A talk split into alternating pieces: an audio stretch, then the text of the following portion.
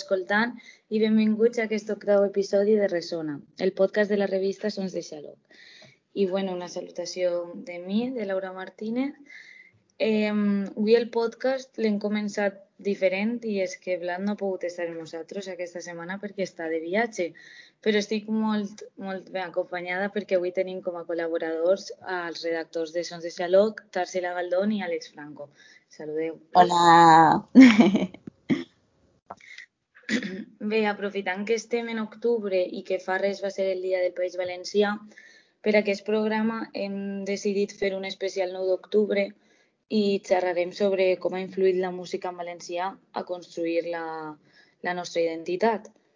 Eh, la nova cançó és el moviment que va reivindicar durant el franquisme la normalització del català a través de la música. Bé, vosaltres creu que la música és una bona forma de reivindicar una llengua? O sigui, té algun significat el fet de fer música en valencià per a vosaltres? Buah. Comencem forts, eh? Complicat, complicat. eh?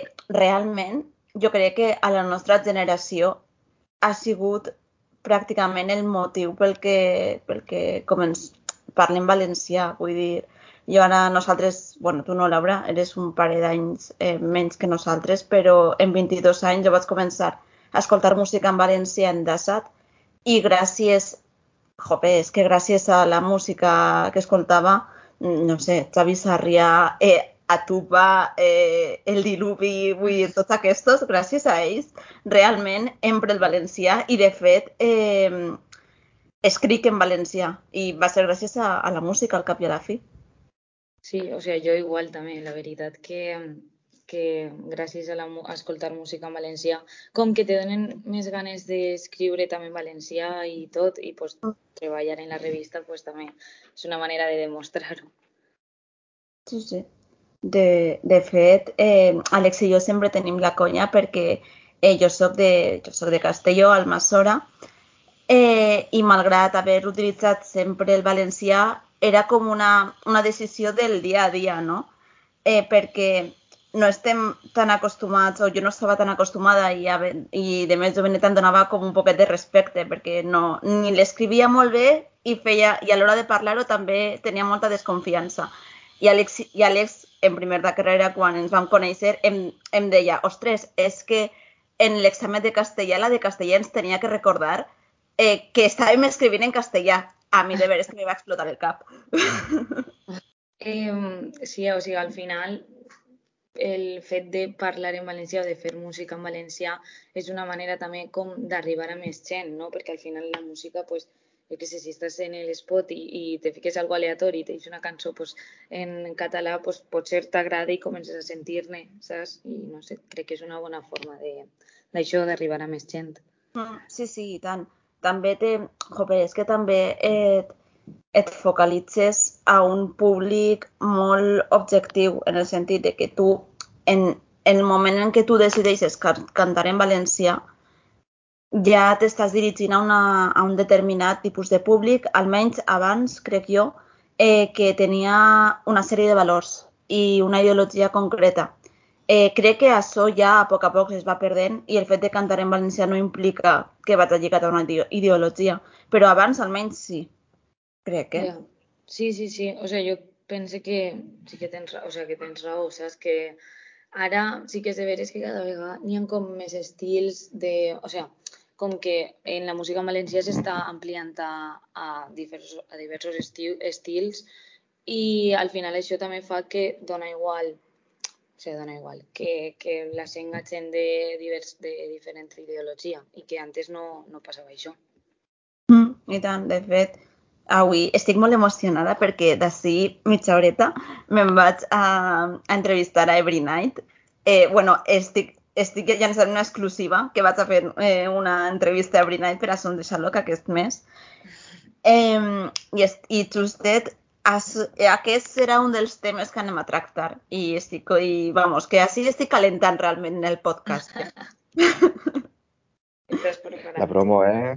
Home, home, ja me coneixes bé, Àlex. M'escolteu ara bé? Perquè crec que se me n'havia anat per un moment. Sí, he vist que han hagut uns problemes tècnics, però bueno, Àlex, eh, què opines tu? Eh, de què exactament? Que m'acaba de reincorporar.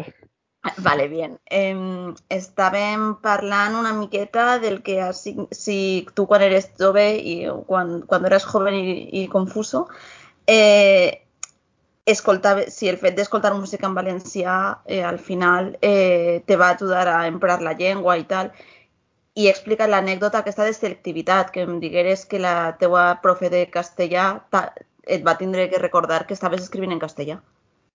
No, no, sí, a veure, això és una bonica anècdota d'haver anat a l'ESPAU i que els teus professors te recorden que els exàmens de castellà els has de contestar escrivint en castellà.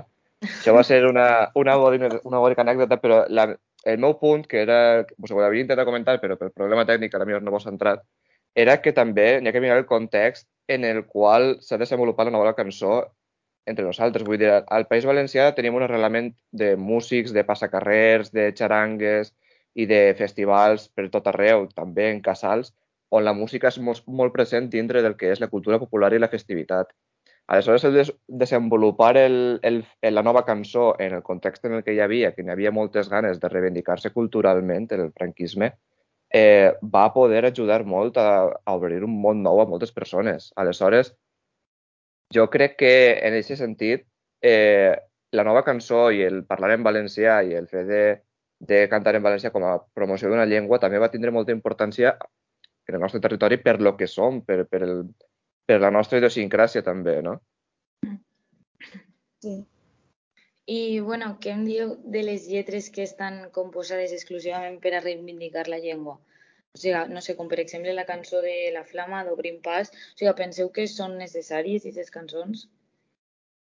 Mm, cada vegada menys, gràcies a Déu. jo crec que sí, però que també era, era el mateix. Era un context en el que es necessitava molt criticar i fer eh, reivindicació social. Parlem també de la temporada en què el PP va estar governant en, Valen en el, en el País Valencià pràcticament 20 anys. Aleshores n'hi havia molta cançó, joder, la majoria de cançons de, de la gossa sorda anaven contra el PP, contra l'espoliació del territori i contra totes aquestes coses. No era tant de lluites universals, saps? Aleshores, jo crec que anava un poc per ahir. Ara, el que passa és que com governa el botànic, doncs cada vegada és com que s'ha anat dissipant la necessitat de fer aquestes coses. Però no deixa de tindre tampoc la seva importància. Segueixen havent grups que gast, eh, utilitzen llengües reivindicatives. Xavi Sarrià, per exemple, i està encara. Sí, de fet, al final, el fet de cantar en valencià jo crec que ja és una posició de defensa de la llengua. No, no crec que sigui necessari que la lletra explícitament diga bien el valencià, jo me referís eh, realment el fet d'atrevir-te a cantar en la teua llengua ho normalitza. Sí. Sí, jo el... sí. Digues, digues, Laura. No, no, no, di, di, di tu. No, sí que, que és això. A veure, el problema principal en el seu context era que venien d'una època on el valencià també venia de la, de la batalla de València i l'estigmatització del fet de que parlar castellà era molt més urbanita, molt més cosmopolita i totes aquestes coses, i, i el context més recent de, la, de, les, de les noves fornades de, de reivindicació de la llengua en valencià en algunes cançons com La gossa sorda, Obrim pas, Espencat, etc., sí que anaven un poc en el reforç aquest de, de, de donar-li més importància al que era el valencià en l'àmbit cultural i, i normalitzar-lo un poc. El que passa és que també és necessari per a normalitzar la llengua abandonar aquest estigma, abandonar eh, aquest registre, perquè si no estàs, el que, el que passava abans, estàs enfocant un producte, un producte musical, en aquest cas tota la música en valencià, a, a unes poques persones que a la millor no pensen com tu, però que també hi, pot, hi ha gent de dretes que parla valencià, és, és, és el que vull dir. Raveros, perdó, eh? és que ah. justet ara estava buscant Nou València manifestació perquè recorde vaig veure per Instagram, perquè jo sóc Instagramer, i ho he, i ho he, ho he fet en aquest tono de, de guai. No sé com m'haurà quedat, però sí. Eh, I, joder, se va liar, eh? Se va liar prou el, el 9 d'octubre perquè al cap i a la fi, vull dir, és que és un moviment molt relacionat, música, valencià, política, almenys per la nostra, per lo que estem comentant al cap i a la fi, per la nostra història. I i al final eh, el valencià és, és de tots, però sí que és cert que eh, ens sentim...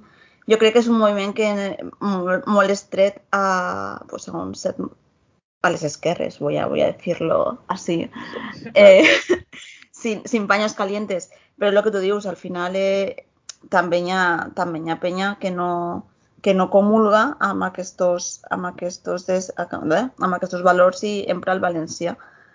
I, Sí, sí. ostres, se, se va liar molt, eh? Vaig a fer una, vaig a fer una cita que no m'agrada fer-la, però és també per, per explicar l'altra perspectiva. Eh, si no recorde mal, me, se me poden corregir els nostres lec, eh, lectors o, oients, eh, Oients, ho oients. corroborar. Eh, crec que va ser Jordi Évole, O que no? va, crec que va dir que el problema de, del català, en aquest cas estem parlant del context de Catalunya, no del País Valencià, però bueno, eh, el català no podia pertànyer sols als independentistes, a una, a una ideolo- ideologia, de la mateixa manera que allí tenen el conflicte eh, català en plan nacional, Espanya contra Catalunya, i la llengua no podia ser dels independentistes, de la igual manera, així no podia ser de les esquerres. Això no ho va dir ell, això ho dic jo, però és un poc per donar el context. Vull dir que al final és el mateix. La defensa de la llengua no es pot fer des d'una posició política perquè al final acaba eh, segmentant a la gent i vas a fer que hi hagi gent que tinga un rebuig clar contra, contra la llengua. El problema està en quan la gent que està oposada a les teves idees mm, es nega a parlar valencià perquè és la posició que s'ha donat durant molts anys i electoralment tenen avantatge, que és el que li passa al PP així. Així no es parla valencià en els, en els parlaments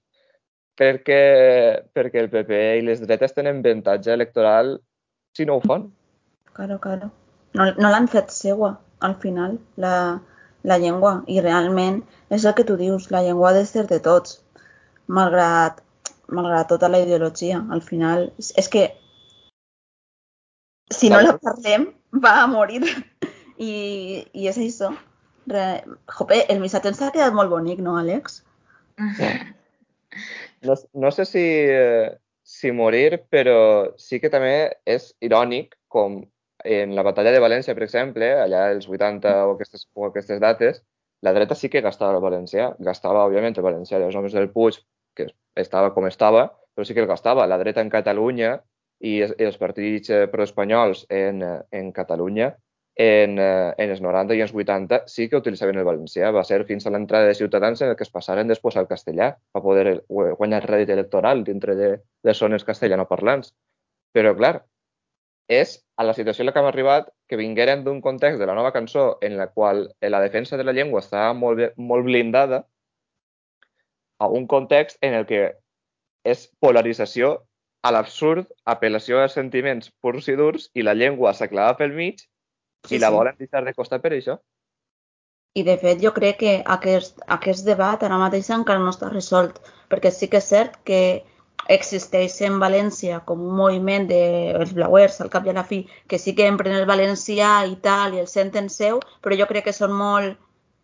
Eh, eh, és molt residual aquest, aquest moviment. Està, però la majoria de, de persones que associen el valencià en l'independentisme i en el d'esto d'esquerres i que són de i que al cap, jope, és que no m'agrada no m'agrada referir-me als moviments com dretes i esquerres perquè considero que és tot més, molt més complex, però bueno, para que nos entendamos.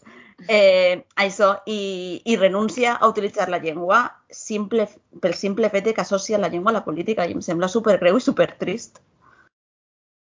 Pues sí, perquè Sí, al però- final Digues, no, que, és, que, no, que al final, eh, pues lo que heu dit vosaltres, com que no, la llengua no hauria ser de cap, o sea, de cap partit ni associar-la a la política, encara que, pues, que de normal estigui associada a esquerres, però, però això, no sé, que estaria bé que no, que no fora com un arma com de conflicte, sabeu? Totalment. També, eh, i no anem a clavar-nos tampoc en massa en política, també s'accepta implícitament que n'hi ha un problema en el fet en el que no és normal que la meitat de la cambra parli en valencià i l'altra meitat de la cambra no.